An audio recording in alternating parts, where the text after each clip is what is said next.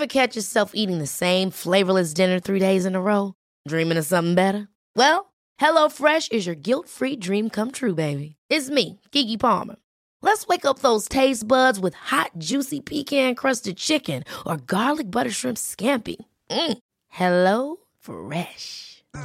Stop dreaming of all the delicious possibilities and dig in at HelloFresh.com.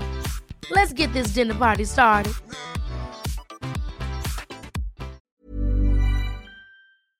Man har ju liksom det här förlegade sättet att förhålla sig till eh, mat så här. Att så här, vi ska äta något som är superhögt på kolhydrater på morgonen. Alltså det är klart att det kan vara supernice och någon gång ta en så här croissantfrulle. Men eh, det ger inte mig så mycket utan det slår ju tillbaks rätt snabbt. Så att man så här gått upp och bara kan ha kaffe och sen så äter man mackor om det är ett klassiskt exempel. Du vet, det är inte så att man bara rusar ut genom dörren sen utan då är det som att man drar på sig liksom kvicksand upp till midjan och sen så bara nu blir allting mycket mer tungrot.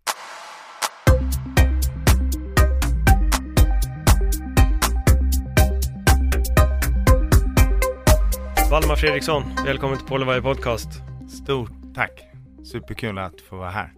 Ja, verkligen. Jag måste ju faktiskt dra en story för, vår, för lyssnarna så att folk liksom förstår egentligen hur det kommer sig att du och jag känner varandra. För det, det, går, det går liksom generationer i, i det här ledet. Det är min farsa kände din mamma för att de hade en gemensam grupp av vänner. Så jag lärde känna din storesyster Uh, och då existerade inte du. och sen träffade jag ju dig här egentligen så officiellt för första gången för, vad är det, ett, två år sedan va? Ja, två år sedan tror jag att det är. Två år sedan. På grillningen. Exakt, exakt. Och uh, ja, fan resten är historia och nu sitter du här och nu ska vi diskutera allt möjligt. Spännande. Ja. Och kul. Och precis som du säger så har ju vi någonstans kunnat träffas, ja, inte bara genom våra liksom, föräldrars relationer, utan vi har ju faktiskt haft varsitt liv som nästan tangerar med varandra. Liksom. Vi Exakt. känner väldigt mycket samma människor och gemensamma intressen. Mm. Så det är kul att vi äntligen fick ses. Ja, ja men faktiskt. Sen egentligen, Stockholm är ju så sjukt litet så det är nästan lite konstigt att vi egentligen inte har träffats tidigare. Men eh, ja, fan, nu har vi det och, och eh, den gången vi träffades så började du och jag snacka väldigt mycket träning, vi började prata väldigt mycket mat, vi kom in på liksom näringslära och kost och lite allt möjligt. Och um, jag älskar personer som verkligen så här dedikerar sig sitt intresse i någonting utav det de, det de håller på med och verkligen tar reda på saker. Och eh, du gör ju det, men om du får berätta själv, så här, vad är det du gör och vem är, eh, vem är Valdemar? Ja, det är en stor fråga. I grund och botten så är jag en personlig tränare och eh, varför jag hamnat där är väl för att jag slutade dricka när jag var ja, 18 bast. Och det hade varit en rätt lång och eh, stökig period. Jag var på en Asien-turné sådär efter gymnasiet och eh, ja, det var mycket, mycket alkohol och eh, ja, diverse substanser och sen så en dag så vaknade jag upp med eh, ett helt nytt sinne någonstans och eh, bestämde mig för att göra en 180. Och eh, självklart så var det jättemycket förändring som krävdes för mig. Det var ju ja, förmodligen den tuffaste utmaningen jag gått igenom någonsin. Men eh, idag så har ju det bara liksom gått åt helt rätt riktning. Och just för att jag kanske någonstans jävligt nöjd med mig själv och stolt och supertaggad på livet varje dag jag vaknar upp. Så träningen blev mitt nya beroende ska man inte säga för att Ja, eller ja, ibland så tycker väl min tjej det absolut, att det, att det är det, för att det är väldigt, väldigt viktigt för mig. Och eh, någonstans tror jag att det handlar om att, ja, som man just här i väst definierar med bokstavskombinationer. Jag har något som heter ADD och eh, för mig så handlar det väl mer om att jag har en energi som jag måste aktivera. Och det visste inte jag i min unga ålder, utan det är någonting jag har lärt mig på resans gång och därför är träningen fantastisk. Och just hur jag kan hamna på banan med bättre mat och bättre rutiner. Eller just det jag behöver. Men vad, vad, skulle du säga har, har varit den eh, största skillnaden? Som du säger det här, det är intressant för att jag har haft några gäster och vi har diskuterat just ADD. Mm. Och vi har diskuterat ADD och kost. Så uh, nu är du lite där själv, så på vilket sätt skulle du definiera är liksom bra kost och bra träning för att få utlopp för de här, ja, vad ska man säga, ADD-sakerna? Ja, i mitt fall, för att stryka under, så handlar det väldigt mycket om att inte äta saker och ting som eh, är för, eh, för snabba. Typ socker framför allt. Alltså jag duckar socker dagligen. Och eh, också då för att knyta an med min eh, tjej så är det ju, jag läser ju på allting jag stoppar i mig större. Alltså för att jag vill vara medveten, för att jag märker att jag kan bli ja, så här, impulsiv, rastlös, energin bara kommer som med en racerbil och sen så bara dalar det liksom. Och så mår jag dåligt, blir lite orolig, känner mig lite ja, men, ängslig i kroppen. Så jag eh, försöker laga väldigt mycket mat själv, just för att ha kontroll. Äter rent. Just nu så försöker jag väl eh, ja, alltså precis där vi talade om innan så är ju verkligen mat ett sjukt stort intresse. Så jag äter och testar mycket, men jag är väldigt medveten just när det kommer till eh, för snabba kolhydrater och socker. Och sen så, den sommaren vi träffades, då var jag ju ketogen som det så fint heter. Så jag hade eh, gjort tre, tre olika sorters eh, ketogena glassar som jag bjöd på. på. Mm. Men eh, just i Sverige så är det ju liksom, det är nästan besvärligt mycket, eh, hålla på och äta en låg kolhydratskost. Eh, tyvärr. Om man liksom ska ut och ibland så hamnar jag på liksom middagar och det, det, det är en stor omställning som krävs. Men eh, nu som jag sa tidigare så har vi varit i bland annat eh, Kalifornien väldigt mycket sommar och där finns ju mer möjligheter att välja på. Och där är ju liksom eh, valmöjligheterna betydligt mycket större liksom. Och speciellt om man vet vad man ska kika så är det ju, men typ som Dave Asprey, han som har kommit på Bulletproof Coffee. Han säljer sina grejer överallt liksom. Så att det finns ju alltid från bars till kaféer till, ja, det är liksom lätt i, i relation då till Sverige. Men, men vad, vad, tror du som gör att vi ligger lite långt efter i den, eh, i den ketogena processen? Alltså nu så säger jag så här bara för att jag tycker att det är sjukt kul att testa dieter för att se vad som händer liksom. Och det var ju som vi pratade om, det var ju, det är väldigt trendigt. Och eh, just den ketogena dieten så var det så spännande för att många talade då om ett så här tillstånd som inte jag var bekant vid, som att hamna i ketos. Så eh, när man väl kom dit så var det guld och gröna skogar liksom. Det var ju, eh, man kände sig väldigt energifull, alert i hjärnan. Och just för mig så var det liksom, det var inga toppar och inga dalar, utan det var ju bara typ rakt upp kändes som ibland. Och sen när man eh, käkade någonting som man själv inte hade lagat så kunde man bara kickas ur, så blev man så här, liksom såsig i huvudet igen liksom. Och eh, allting handlar ju om rutiner och kontroll. Och, men där så krävs det ju liksom för gemene man att det nästan är till det extrema. Så eh, knyta an till din fråga då, så eh, har vi ju liksom mycket som är, ja men så här, allt ifrån tallriksmodeller som är kanske lite passé. Alltså som vi vet så funkar ju alla dieter ifall vi följer dem. Men mm vissa saker och ting har ju ett annat system och vi har ju någonting som är liksom en tredjedel grönsaker, en tredjedel potatis, en tredjedel protein liksom. Och det, det funkar ju skitbra för många. Inga konstigheter, men sen så kanske man ska, ja, man kan ju liksom enkelt se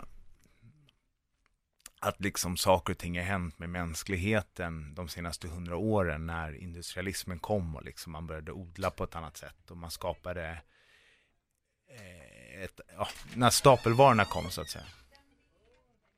typ som bröd eller socker, liksom. De här mera quick fixes. Så just bröd och socker är väl mina, och pasta, liksom gluten generellt. Sen så slinker det ner liksom, för att som sagt, så om jag hamnar på ett bra ställe så har de någon så här sjuk pizza. Som när vi åkte till eh, Napoli för att äta på första pizzerian. Det är, så här, det är klart jag inte duckar den, men då är jag, det är jag medveten. Ja, men då, och det är väl lite det där, äh, jag tyckte att Mats Jakobsen sa det så bra, man, man vill inte bli den som står med en matlåda på sin syrras bröllop. Nej. Äh, att man ska också våga äta och jag är nog lite likadan. Alltså, lite efter att du och jag faktiskt snackade där på, på grillningen när vi träffades första gången. Så fick du in mig lite i det här med att i alla fall börja fasta. Uh, och jag började väl fasta några månader senare som jag verkligen började så här, testa det på riktigt liksom. För mig har det gett extrem effekt och jag har dragit ner otroligt hårt på, på kolhydrater också. Och jag, det jag har upplevt har varit verkligen mycket piggare, mycket alertare och det blir jättemarkant om jag äter stabbig mat. Att jag får den här äh, jättesnabba energin och sen blir jag rådäckad. Ja. Men förut var man så van vid det. Att ja, absolut. Här... Man hade ju inga andra referenser. Nej. Man bara, men det ska väl vara så. Ja. Och det är väl det jag tycker kanske är det så här roliga att eh, att man blir med, mera medveten, man skapar sina egna referenser till hur funkar jag, vad funkar bäst för mig och eh, tyvärr så finns det ju alla som liksom så här, ja just som eh, Simon sa, att så här, det finns ju många som har jävligt bra koll, i alla fall enligt de själva på Instagram och så vidare. Så det finns ju flera alternativ och det är kanske det man ska iaktta liksom att eh, vad funkar för mig? Och fråga sig själv, så, ja men hur känns det här? Typ allt ifrån när det kommer till träning och kost och liksom generellt välmående. Ja, för, för att det är någonting som jag faktiskt också, förut så var det ungefär som att alla sökte en sak som funkade för alla. Medan nu tycker jag mer och mer att ändå diskussionen börjar bli att alla är individuella eller alla är vi unika och vissa saker kommer funka olika på olika personer att varenda diet funkar inte för alla, att paleo är inte bäst för hela världen, utan att man måste hitta sin sak. Men hur, hur tycker du att man ska göra för att liksom hitta det som funkar för den? Har du någon uteslutningsprocess där i den? Jätte, ja men bra fråga. Jag kan ju bara säga att eh, som när det kommer till det mesta, att jag är väl jag testar ju mycket så att jag blir som min egna försökskanin liksom. Och jag kan väl säga så här, ja mitt, mitt eh, största tips är väl så här att var nyfiken, eh, ducka det som vi inte vet är bra liksom. Och nu säger jag så här, det, det är klart att det finns ju evidens på allt liksom, men jag tror inte att socker är bra jag tror inte att så här halvfabrikat och för raffinerade matprodukter är bra. Liksom. Doritos är ju fett gott, det vet ju både du och jag, men eh, de är också liksom kemiskt byggda för att vara omotståndliga. Liksom. Och det är ju bara sjukt om man tänker efter. Alltså, det är ju inte schysst. om man då tittar liksom på USA eller andra ställen de har lite, lite mer, eh, ja, enspårigt sätt att se på saker så, så ja, man kan ju bara dra slutsatser egentligen. Mm. Ja, jag håller med dig. Det, det, känner du till Mountain Dew Mouth? Alltså, nej, men jag vet ju vad Mountain Dew ja, är. Ja. Om man googlar på Mountain Dew Mouth så ja. får man alltså upp folk som har fått munnen förstört av Mountain Dew. Och det är helt, alltså det är så vidrigt. Det var också någon dokumentär jag såg där det faktiskt var en kille med just Mountain Dew Det är vissa just i USA som dricker Mountain Dew hela, hela tiden. Sen självklart borstar de nog inte tänderna heller. Så det är väl en, en, en kombination. Men då var det en tandläkare som sa det att det är fler och fler som kommer in med så kallad Mountain Dew Mouth. Det är att de har druckit så pass mycket Mountain Dew att de, liksom, de är helt förstörda i munnen. Tänder har liksom ruttnat och, och Mountain Dew har ju också den här jag tror den är upplagd, sötman är upplagd på den här perfekta balansen för sött. Som gör att man vill dricka mer och som du säger kemiskt framställt.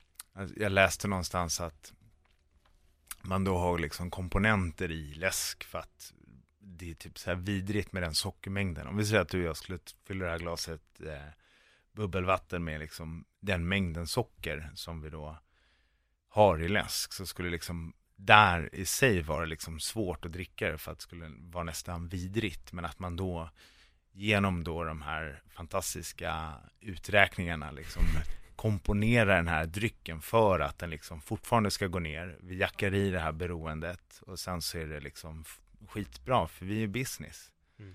Och där är det lite så här, oh, det är ju tråkigt att göra bra business på en dålig produkt. Tänk om man la den tiden och engagemanget på att faktiskt göra någonting som är grymt. Vad skulle du säga är den värsta drickan? Jag? Ja, har du någon sån där som, nej, drick inte det där. Eh, nej, alltså, ja, det, du ställer så visa frågor, men jag, jag tänker, läsk generellt, det var också så här en, en det var någon Peter som sa någon gång att så här, varför dricka läsk? Det är också så här, tråkigaste sättet att få i sig eh, eh ja, men så här, socker på. Då liksom så hade jag nog valt godis istället. För då får man ändå så här, du vet, det tar lite längre tid att få i sig. Men socker i läsk känns ju bara som att det rinner förbi. Man hinner ju knappt registrera det. Men sen så, nu så eh, sitter jag inte här, jag vill inte hyckla, för att det finns ju vissa gånger jag alltid tar en Cola Zero. Och det är till thai-mat. Det är liksom, det är en sån här gyllene kombo. Det blir riktigt starkt och så kommer den där och eh, ja, det handlar ju om den där balansen Paul. Mm. Så uh, det är nog en smäll jag i alla fall väljer att ta ibland. Jag kan ju tillägga att jag gör det också. Jag, eh, nu dricker inte jag Cola Zero till thai, men jag må fasta och käka väldigt, väldigt hälsosamt eh, sex dagar i veckan. Sen har jag en dag då jag äter mer eller mindre exakt vad jag vill. Och då kan det nog slinka ner på tok för mycket både godis och pizza och glass och kakor och allt möjligt. För jag har världens jävla söttand alltså. Ja. Jag älskar verkligen sött. Så det är en det är ibland en jobbig kamp att hålla emot. Men däremot tycker jag att när jag bestämmer mig för att det bara får ske under en eller två dagar på helgen, mm. då är det liksom okej. Okay.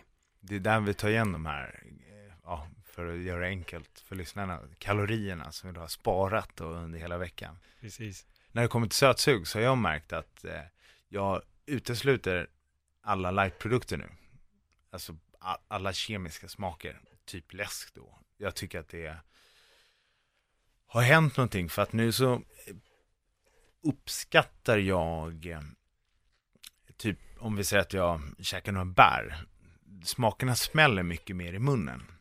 Så för att, då vet jag inte om det här är liksom placebo, men jag upplever då att resterande mat smakar mer.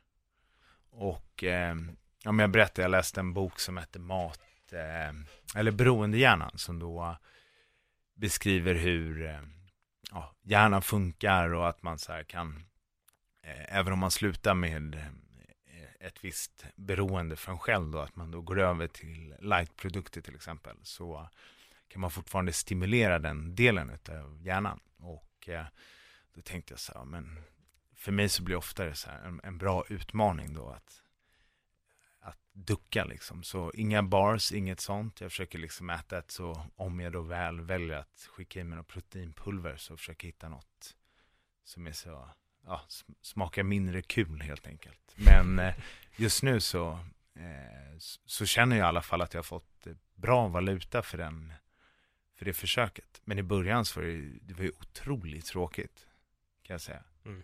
Men nu så är det så här, eh, ja, frid och fröjd i alla fall. Men jag håller med, för jag har verkligen gått över in lite i samma process som dig. Eh, jag har nog aldrig varit en så här, alltså läsk har jag inte riktigt druckit. Jag drack lite. Uh, däremot så började jag verkligen ta bort bars, jag började ta bort väldigt mycket kosttillskott, jag började ta bort proteinpulver, nu kör jag bara på så här typ hampapulver. Mm. Jag försöker ta, testa veganska just kosttillskottsprodukter för de är rena, ekologiska.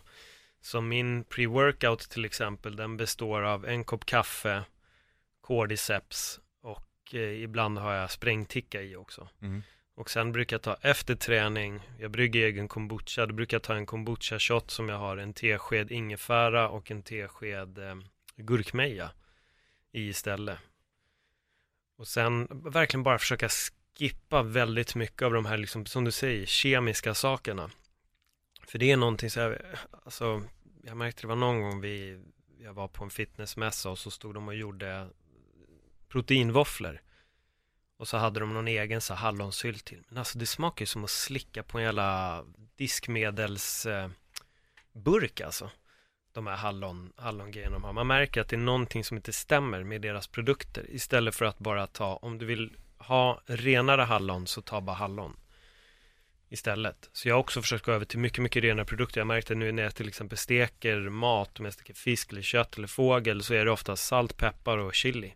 Mm. Jag har liksom inte mer saker, vitlök, men jag har aldrig så allround-krydda eller sådana där saker, utan det drar ner på grejerna väldigt mycket och det är nog ingen placebo. Jag upplever lite samma sak som dig. Desto renare sakerna blir, desto godare blir grejerna också. Man börjar verkligen känna smaken istället för att det är 200 liksom konstlade, konstlade smaker i en produkt. Så mm. får du liksom bara en sak. Så uh, för mig har det funkat. Jag har märkt att jag går över mer och mer till renare och renare och renare mat. Men det är svårt att gå ut och äta ren mat. Ja, om, precis. Om man inte vet var man går. Exakt. Och det är det som är knepet. Men, eh, ja. Det är mycket, innehåller ju glutamat i en så här fantastisk eh, smakhöjare. Det, jag, nu får jag säkert någon rätta mig om jag har fel, men om jag minns rätt så är det eh, kemisk, eller inte kemisk, man vinner ur eh, sockerrör eller sockerbeta, precis som man gör socker, men där, det är en kemisk umami. Och används sjukt mycket i det thailändska köket. Mm. Och eh, det är ju också någonting som ja, saker och ting pekar på att det inte är liksom helt, helt toppen. Nej, jag tror att glutamat påverkar hjärnan negativt. Jag tror att det är det som, det, det är vad jag vill minnas i alla fall, att för mycket glutamat kan påverka hjärnan på ett, eh, på ett negativt sätt. Sen exakt hur kommer jag inte ihåg. Men det finns, det är, du har rätt, det är, no, det är någonting med glutamat som vi, egentligen ska man inte käka för mycket glutamat och kruxet är att om du käkar just från det asiatiska köket så är det proppat med glutamat. Absolut, varje rätt innehåller det. Vi lagade mm. eh, kinesiskt förra veckan. Jag har en kopp en gammal barndomsvän som sadlade om, också jätterolig historia. Jätteduktig grafiker. Eh, men tyckte väl inte att det var någonting som stimulerade han längre. Så han blev kock nu. Vilket är asballt för han följer sitt hjärta. Och då lagade vi, eller jag lagade inte, jag, jag tittade på. Så jag blev serverad eh, med åtta rätter hemma hos han. Och eh, han har då eh, lärt sig att laga från Szechuan-köket. Men då är det också så här, för att eh, trixa till rätterna lite så var det glutamat på, på väldigt mycket. Det var den gyllene kryddan. Hur kändes det efter måltiden? Ja, eh, det var många grejer så har ju liksom, det, det är det som är det roliga med just asiatisk mat, att det, det händer ju som fyrverkerier i munnen, det liksom är sött, salt, surt, beskt och de liksom smäller rätt bra. Så generellt, maten var ju jätte, jätte, jättegod. Men eh, eh, jag kan väl inte säga att jag kände att den gav mig den energin jag ville ha. Alltså om jag vet att jag ska gå ut och äta någonting eh, som är eh, mer nöjesäta. För det kan man säga att jag gör liksom för att jag, jag, tycker att det är kul att testa grejer. Om vi reser så har jag kanske så här hittat någon ballkrog eller whatever som jag vill testa. Så kan jag liksom så här stödäta innan eller efter för att jag så här jag vet att jag kommer äta mer än vad jag behöver men jag kanske inte kommer få i mig de näringsämnena jag behöver. Så då får det där hamna på pluskontot helt enkelt. Ja, ja, det, om man följer dig på Instagram då är det mer mat än Något annat. någonting ja. annat på dina stories. det är väldigt roligt. Men eh, om du skulle säga en, en bra måltid för dig innan mm. du ska träna, finns det någonting speciellt som du känner ger dig så rätt energi och för att få dig att komma igång? Jo, men just eh, nu så, idag har jag tränat eh, Ja, jag var på gymmet i morse och sen så så körde jag lite jutsu innan jag kom hit. Och eh, det är klart att jag är trött, men jag har ju fastat också. Så jag har fortfarande inte ätit, vilket för mig funkar rätt bra. För att ibland så har vi liksom de här inpräntande beteendena, liksom att vi ska käka. Och jag vet ju att så här, om jag ska köra jutsu, då måste jag äta tre timmar innan, för annars kan det komma upp andra hållet liksom. Och det är jättetråkigt. Och samtidigt så, för mig så handlar det väl lite om kanske så här disciplin, att så här veta att jag bör ha grym energi i kroppen, för jag käkade rikligt igår när jag gick och la mig. Och det är inte så att jag har hunnit liksom använda upp, ja, använda upp energin, för den har jag liksom ja, sparat tills idag. Men nu så börjar jag känna att så här, det skulle vara nice att äta, ja, det är alltid nice att äta, men jag behöver nog äta när vi är klara här. Mm.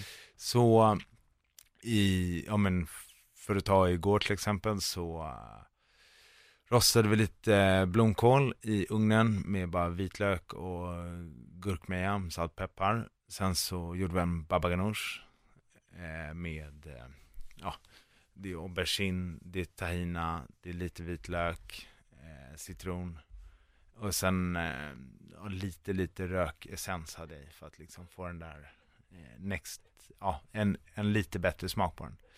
Och sen så var det vitt ris. Och det kan man ju säkert debattera, men jag kan ju tycka att det är fruktansvärt gott. Mm. Eh, men annars är det mycket rotfrukter, det är mycket söt, ja, sjukt mycket söt potatis. Och mycket vanlig potatis. Eh, det tycker jag är nice, och just för att det är så otroligt tillgängligt. Ja. Så när man talar liksom om kost och sånt så försöker jag ju liksom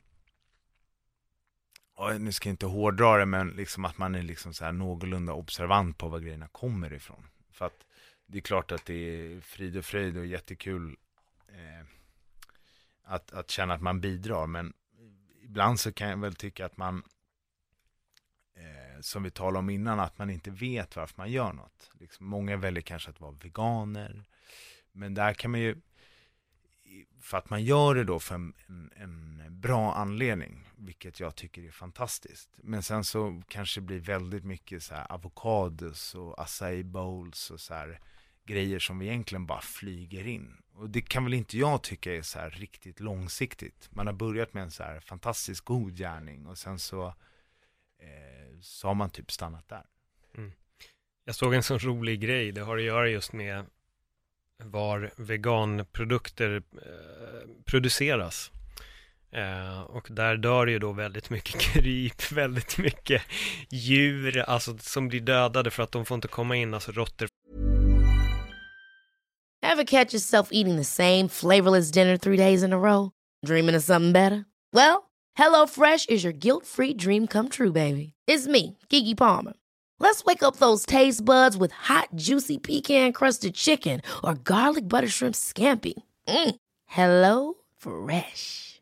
Stop dreaming of all the delicious possibilities and dig in at HelloFresh.com. Let's get this dinner party started. Hey, it's Ryan Reynolds, and I'm here with Keith, co star of my upcoming film, If, only in theaters, May 17th. Do you want to tell people the big news? All right, I'll do it. Sign up now and you'll get unlimited for $15 a month in six months of Paramount Plus Essential Plan on us. Mintmobile.com slash switch. Upfront payment of $45 equivalent to $15 per month. Unlimited over 40 gigabytes per month. Face lower speeds. Videos at 480p. Active Mint customers by 531.24 get six months of Paramount Plus Essential Plan. Auto renews after six months. Offer ends May 31st, 2024. Separate Paramount Plus registration required. Terms and conditions apply if rated PG. Får inte komma in och äta, rävar får inte komma in och käka av det som produceras och de blir liksom dödade på vägen. Det finns fällor för att stoppa dem. Så jag tycker det är så kul det här med att, och då var det just det att bara för att du är vegan så betyder det inte att liksom djur inte har dött för din mat. Att de, de gör det ändå. Um, det Nu, jag... nu kommer ju hotmailen här komma. Ja, exakt, exakt. Nej, ja, det är inte jag som har producerat den här memen eller bilden och de här grejerna, utan det är andra människor. Jag tycker det var väldigt, väldigt, väldigt, väldigt roligt. Men, men, och det är intressant, det, det är som du säger, det finns en poäng där också att, jag menar, du förstör ju även hela ekosystemet genom flygplan och båtar och allting. Så jag menar, producerar det då, som du säger, man käkar acai bowls, man käkar avokado, det förstör ju miljön på ett annat sätt. Jo men precis som du säger så, det är klart, jag fattar ju självklart att det görs av en fantastisk gärning. Men där tycker jag att det brister liksom i att man glömmer att i Sverige pusha på ibland så här närodlat.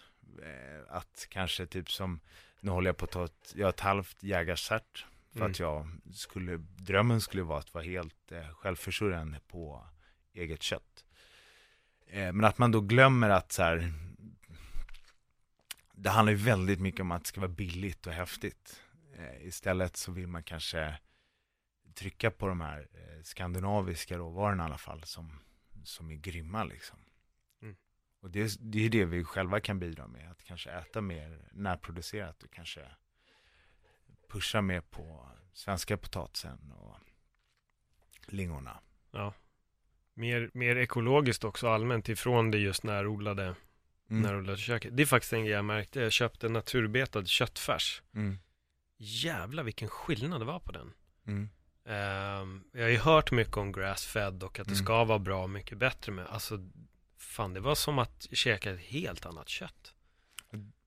Precis när det kommer till nötkött så Ja. generellt så väljer jag att när jag väl äter det så är det ju något jag går inte och handlar liksom så här högre på extra pris Nej. utan då väljer jag kanske någonting som kostar en, ja, i alla fall när det kommer till köttfärs så i alla fall en 20 spänn mer liksom. Just det.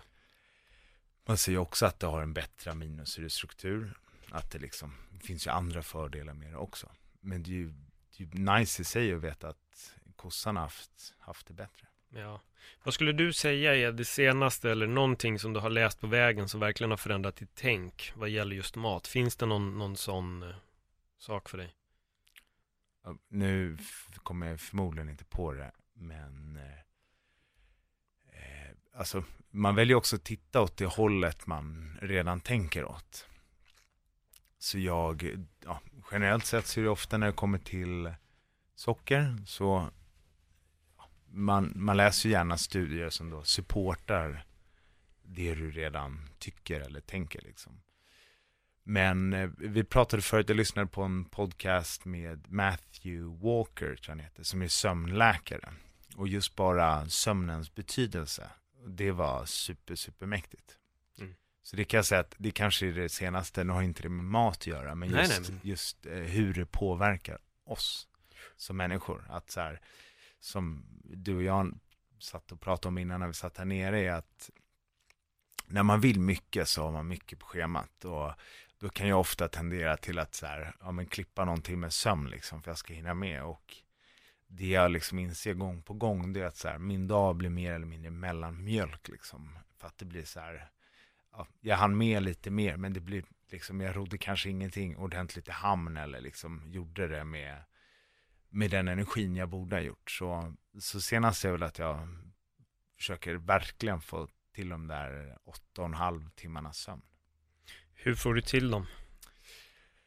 Ja, det är att eh, gå och lägga mig tidigt. Och det kan ju ibland vara astråkigt. Just för att det där, när kreativa hjärnan kickar igång där eftermiddagen så kan man ju sitta vaken hur länge som helst. Så jag försöker eh, ta mig rätt snabbt till sängen. Och eh, ja, det här också knyta an till min tjej. Att jag försöker trycka på det att vi inte ska ha mobiltelefoner. Vi gillar att lyssna på pods och det somnar jag rätt snabbt till. Så då handlar det om att liksom hitta en podd, dra på den och sen ligga och lyssna. Sen sover jag kanske på tre, tre fyra minuter. Tänk att det just nu, i den här stunden, i framtiden, Ja. så är det någon som somnar till dina ord. Ja, det är ju det är inception. Precis. Ja, men för jag vet att du, du vill uppe ganska tidigt på morgnarna. Det är lite därför jag, jag tror att ibland, det kan låta som en jättesimpel fråga, att så här, hur får du till din sömn? Men jag tror också att det är någonting som vi alla har det största problemet med, att få tillräckligt mycket sömn. Eh, just för att vi lever också i ett samhälle där många är redan uppe vid klockan sex på morgonen, de är uppe och fixar och roddar, ska vara på något träningspass eller jobba redan klockan sju. Eh, Jag har ju så här få förunnat att jag har väldigt mycket fritid, så jag får alltid mina åtta och en halv timme sömn. Förutom när jag har jobbat och kommenterat MMA. Då ska jag vara glad om jag får fem timmars sömn och då är jag ju helt förstörd. Min kreativitet den dagen, den är ju lika med alltså noll. Nej. Den existerar ju inte. Jag ska lyssna på den här podden som du har, som du pratar om. Eh, men om du känner dig trött, finns det någonting som, som du gör eller kan göra för att få lite mer liksom fokus? Jag vet inte, du kanske jobbar med meditation, du kanske har något bra kosttillskott där ute som du känner till som som du använder dig utav? Finns det någonting för att liksom få Ja, lite man- energi under dagen? Eh, Ja, som du vet så kaffe dricker jag, ja, absolut för mycket utav. Och eh, sen så, just när det kommer, jag, det handlar väl mer om att jag försöker observera vad jag gör. Och sen så vet jag ju liksom när man eh, läser på lite att man kanske inte behöver käka mer. Men det är då kroppen ofta gör, det är att den skickar signaler till att man liksom ska äta. Man, ja, enligt den här podcasten då så säger de att det kanske snarare handlar om sömn, att du behöver det, men att kroppen då eh, triggar igång liksom matsystemet och att det jag då liksom reflekterar då över är så att för det har jag också alltid tänkt så här, men fan jag har inte käkat tillräckligt så jag äter det, jag äter lite mer, men för mig så inser jag liksom gång på gång att det då kanske faller tillbaks på sömnen.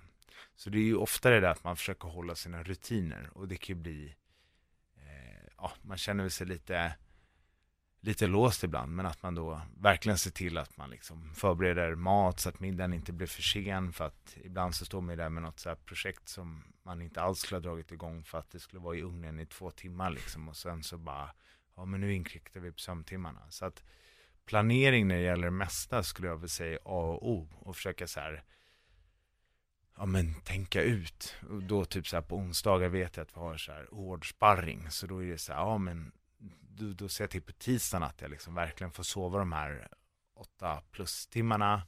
Och att jag käkar allt grymt. Att jag kanske liksom också tänker att så här ligger lunchen är bra i relation till min träning.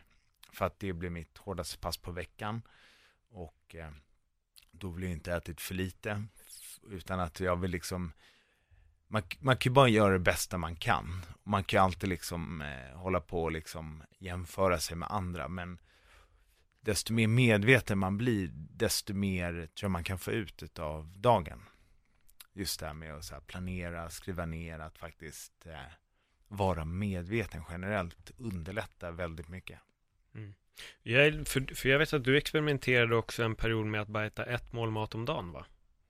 Ja, alltså så just, just det här med fasta tycker jag är, det finns ju massa hälsofördelar om man läser och vill hitta den informationen. Men sen så tycker jag också att det liksom blir lite mer systematiskt för mig för att jag vet att min kropp mår bra av rutiner liksom. Så jag eh, brukar också, man har ju liksom det här förlegade sättet att förhålla sig till eh, mat så här. Att så här, vi ska äta något som är superhögt på kolhydrater på morgonen.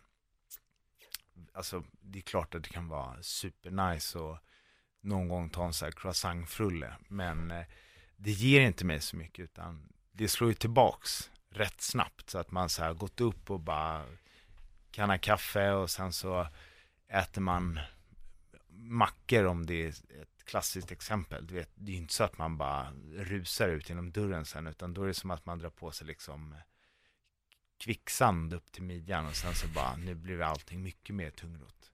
Så för mig så är det ofta att jag eh, försöker, eh, nu har jag glömt din fråga. Ett mål mat om dagen. Just det, just det. Nej men eh, för mig så brukar väl jag liksom fasta ofta så länge som möjligt. Och sen har jag märkt att det går eh, absolut på ett mål mat om dagen. Men jag föredrar nog två mål mat om dagen. Mm. Just för att jag tycker att det är ja, enkelt.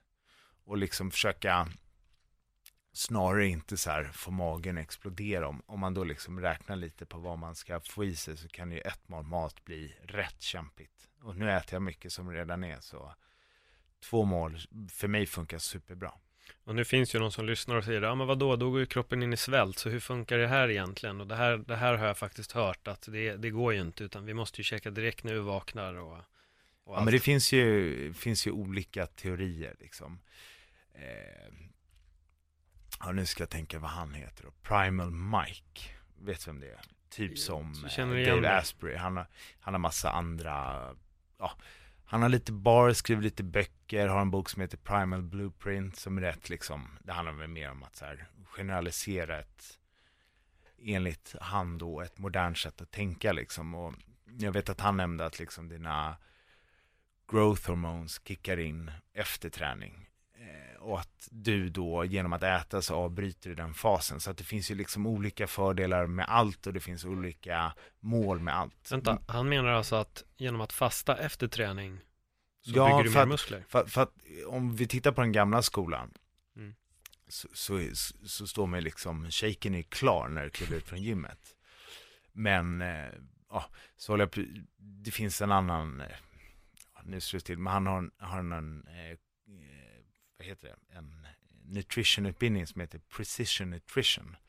Och han förespråkar då att liksom generellt sett när som helst efter träning, det kan gå 90 minuter så är det frid och fröjd för att kroppen är bara taggad på näring och att det är då du ska lägga in ditt största mål. För att då är det som, för man talar ju om att kalorier är bara ett förenklat sätt att räkna. Mm. Men liksom desto mer fibrer och hur mycket tar vi faktiskt upp av den här näringen. Det är ju egentligen det som är det relevanta. Så därför är liksom kalorier i sig rätt förlegat.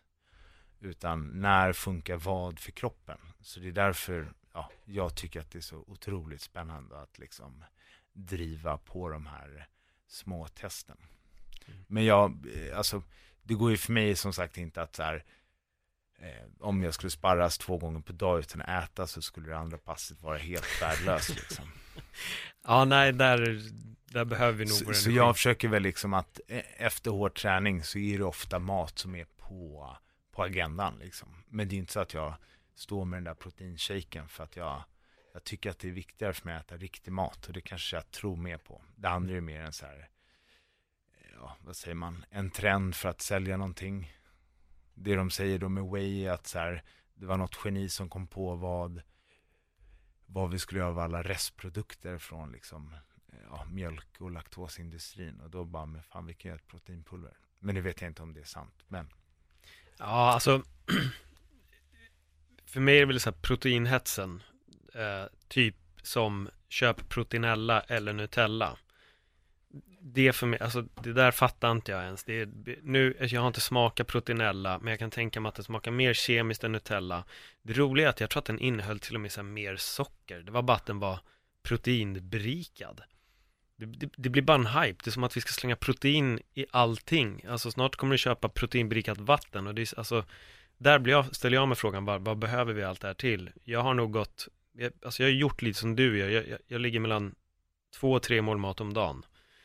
Ehm, Och min frukost består av kött och nötter, ägg, liksom ganska så här, lite carnivore diet om man säger så till frukost Eh, Sen brukar jag dricka en smoothie efter träning och då är jag då hampa protein. Men det är mest bara bär, liksom. Bär och Mm. frukt som jag skickar ner i den. Ehm, men jag har väl börjat se lite att förut så tror jag att jag åt liksom ofta, fast inte så mycket varje gång kanske. Istället för att käka mer färre gånger. Så att kontentan blir samma mängd mat liksom. Det är egentligen bara att jag käkar det mindre. Och jag, jag tror att det gynnar också matsmältningsprocessen. Att magen kanske inte ska behöva jobba hela, hela tiden med att spjälka mat. ja alltså nu finns ju bara massa teori, det är ju ett hav av teorier och just det här med att äta fem mål mat, det är för att man liksom ska konstant hålla insulinet i balans liksom. För att så fort det börjar dala så ska det liksom, det ska komma in någon, något äpple och fem nötter liksom. Men det vi vet idag är att det, det är inte så det funkar liksom. Att, att det är mer i en så här gammal skola. Och jag, jag fattar det tänket, om det funkar för någon så är det perfekt. Men för mig så funkar det sjukt bra med två mål mat om dagen. Och eh, något som jag också brukar säga till mina klienter, det är just att så här, det är ju fantastiskt mycket enklare att ha eh, ja, en eller två matlådor med sig än att ha liksom de här fem. Mm. Det kräver ju fruktansvärt mycket planering. Ja. Eh, det var någonting du eh, nämnde, proteinella och jo, men det är väl mer att liksom hela den här eh, eh, proteinhetsen, som jag sa tidigare, att det är ju kanske ett steg åt rätt riktning, men sen så ska man analysera, för sen blir det liksom någon form av kapitalisering som liksom har frångått eh, idén från början liksom. Och att det mesta av det där slinker ju ner rätt felfritt. Och det är ju så att om jag äter någon av de här fantastiska barsen som smakar jättegott. Det smakar ju som en riktig Snickers liksom. Men det är också så här, jag vill gärna ha en till. En är ju skittråkigt. Och där märker jag så, ja men just det, det här, det här hjälpte faktiskt inte mig, för nu är jag sugen liksom. Och det där suget, eh, ja men det försöker jag undvika. Eh, träning, jag tänkte att vi flyger in lite i, i träningsvärlden. Ja. Ehm, vad gör du just nu träningsmässigt? Vi vet att du håller på med VI och sånt, men om vi går in på lite styrka och kondition, vad, vad lägger du fokus nu?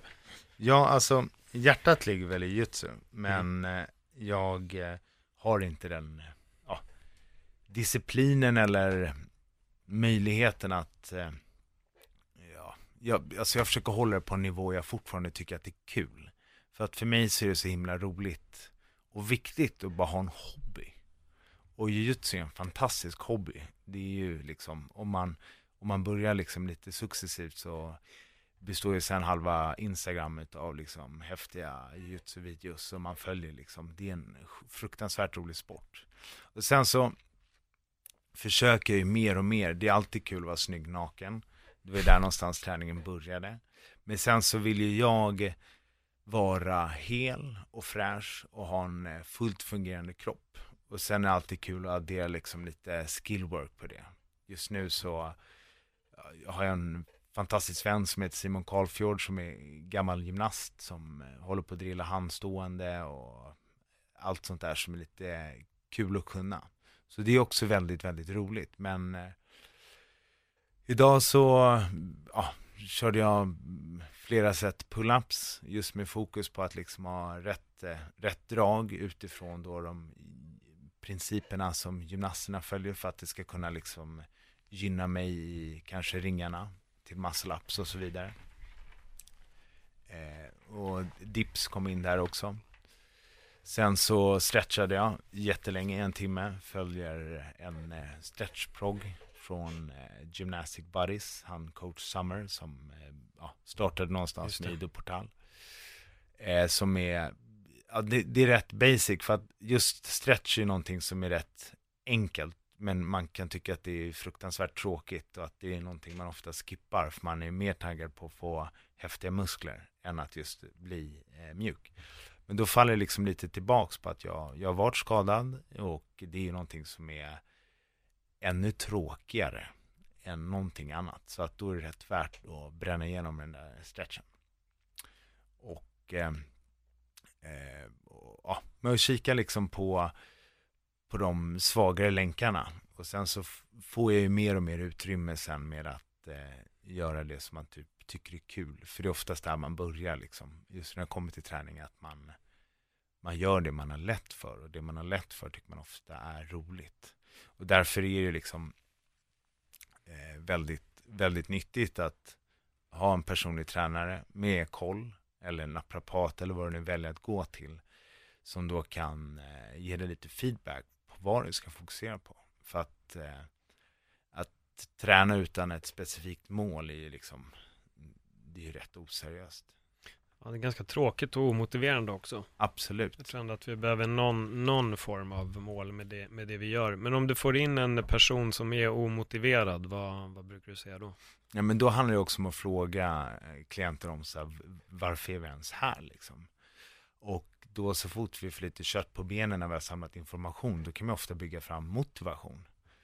Och mm, när man väl hamnar hos mig så har man liksom ändå liksom gjort de här första valen till att så skapa eh, förändring.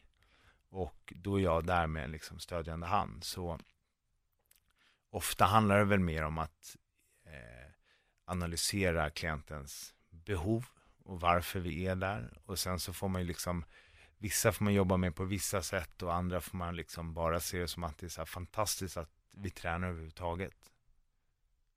Mm. Ja, men det är jättebra svar. Um, hur ser en standardkund ut för dig? Alltså, Vilka brukar söka sig till dig? För du, du står ju inte, vilket gym är du på? Jag, eh, just nu så är jag i en lokal vid eh, Mariatorget Södra station. Mm. Där jag kör liksom privat, där jag har kört eh, en grupp, ja, stora grupper.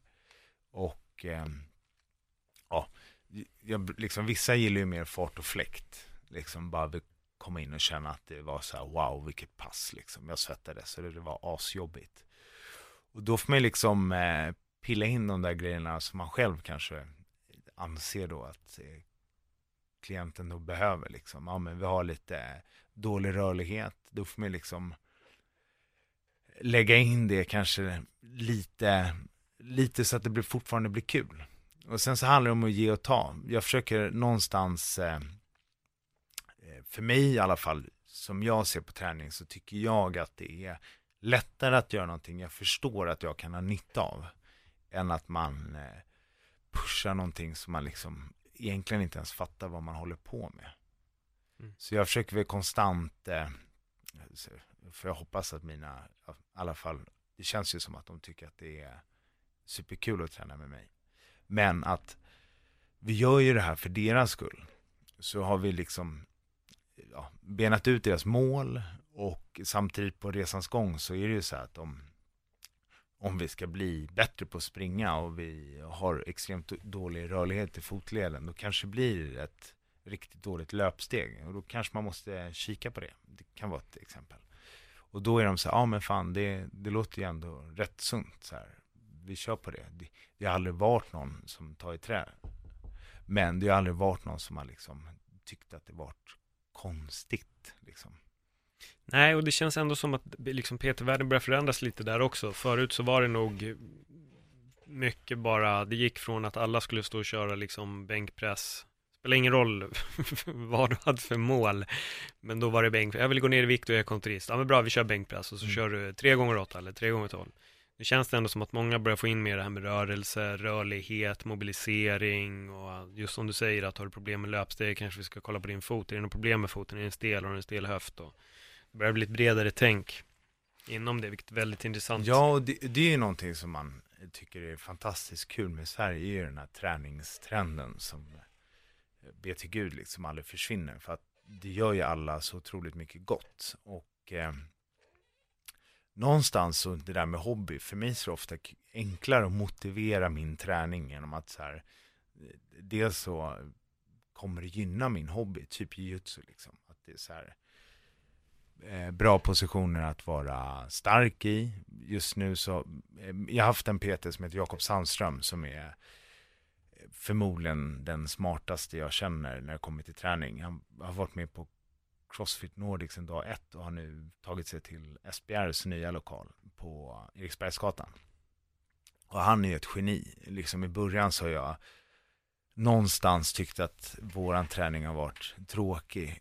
Förlåt Jakob. Men eh, jag vet ju att han, han är så extremt närvarande och vi gör det här för att han har verkligen sett att så här, min, ja, min rörlighet i vänster fotled är superdålig och det har gjort att det sitter andra dåliga grejer liksom som att eh, glutmed också på vänster sida är tajt och det är någonstans där det här diskbrocket som jag haft har kommit ifrån. Så eh, tipset är väl att hitta en, en PT som faktiskt vet vad den sysslar med. För när det kommer till hypotrofi så är det bara Google är din bästa vän liksom. Du kan väl hålla oss till de där tre set, 12 reps. Ja, du fattar. Mm. Eh, Återigen, jag citerar Paul Check. Jag har citerat det här flera gånger, men jag tycker den är så klockren. Han bara, varför ska du kunna bänkpressa 150 kilo om du inte ens kan prata med din fru?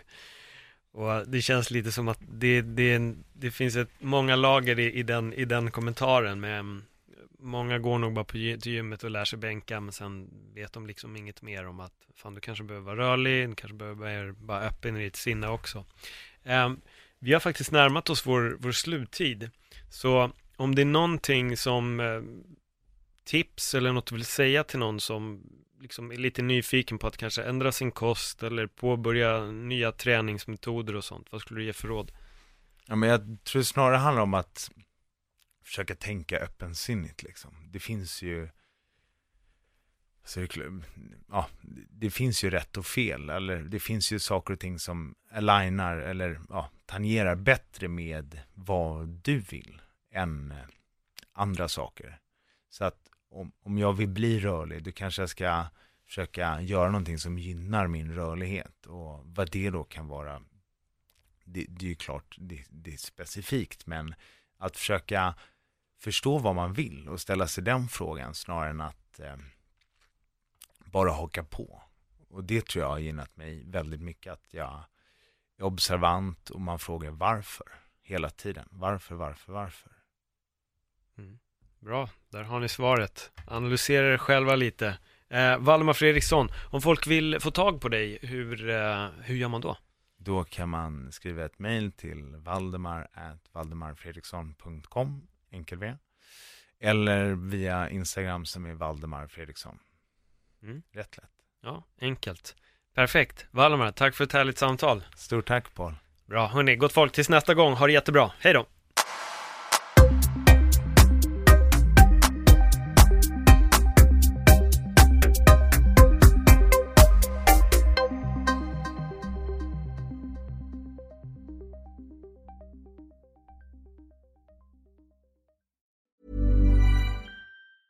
Hi, I'm Daniel, founder of Pretty Litter. Did you know cats tend to hide symptoms of sickness and pain? I learned this the hard way after losing my cat, Gingy. So I created Pretty Litter, a health monitoring litter that helps detect early signs of illness by changing colors, saving you money and potentially your cat's life. Pretty Litter is veterinarian developed, and it's the easiest way to keep tabs on your fur baby's health right at home. Go to prettylitter.com and use code ACAST for 20% off your first order and a free cat toy. Terms and conditions apply. See site for details.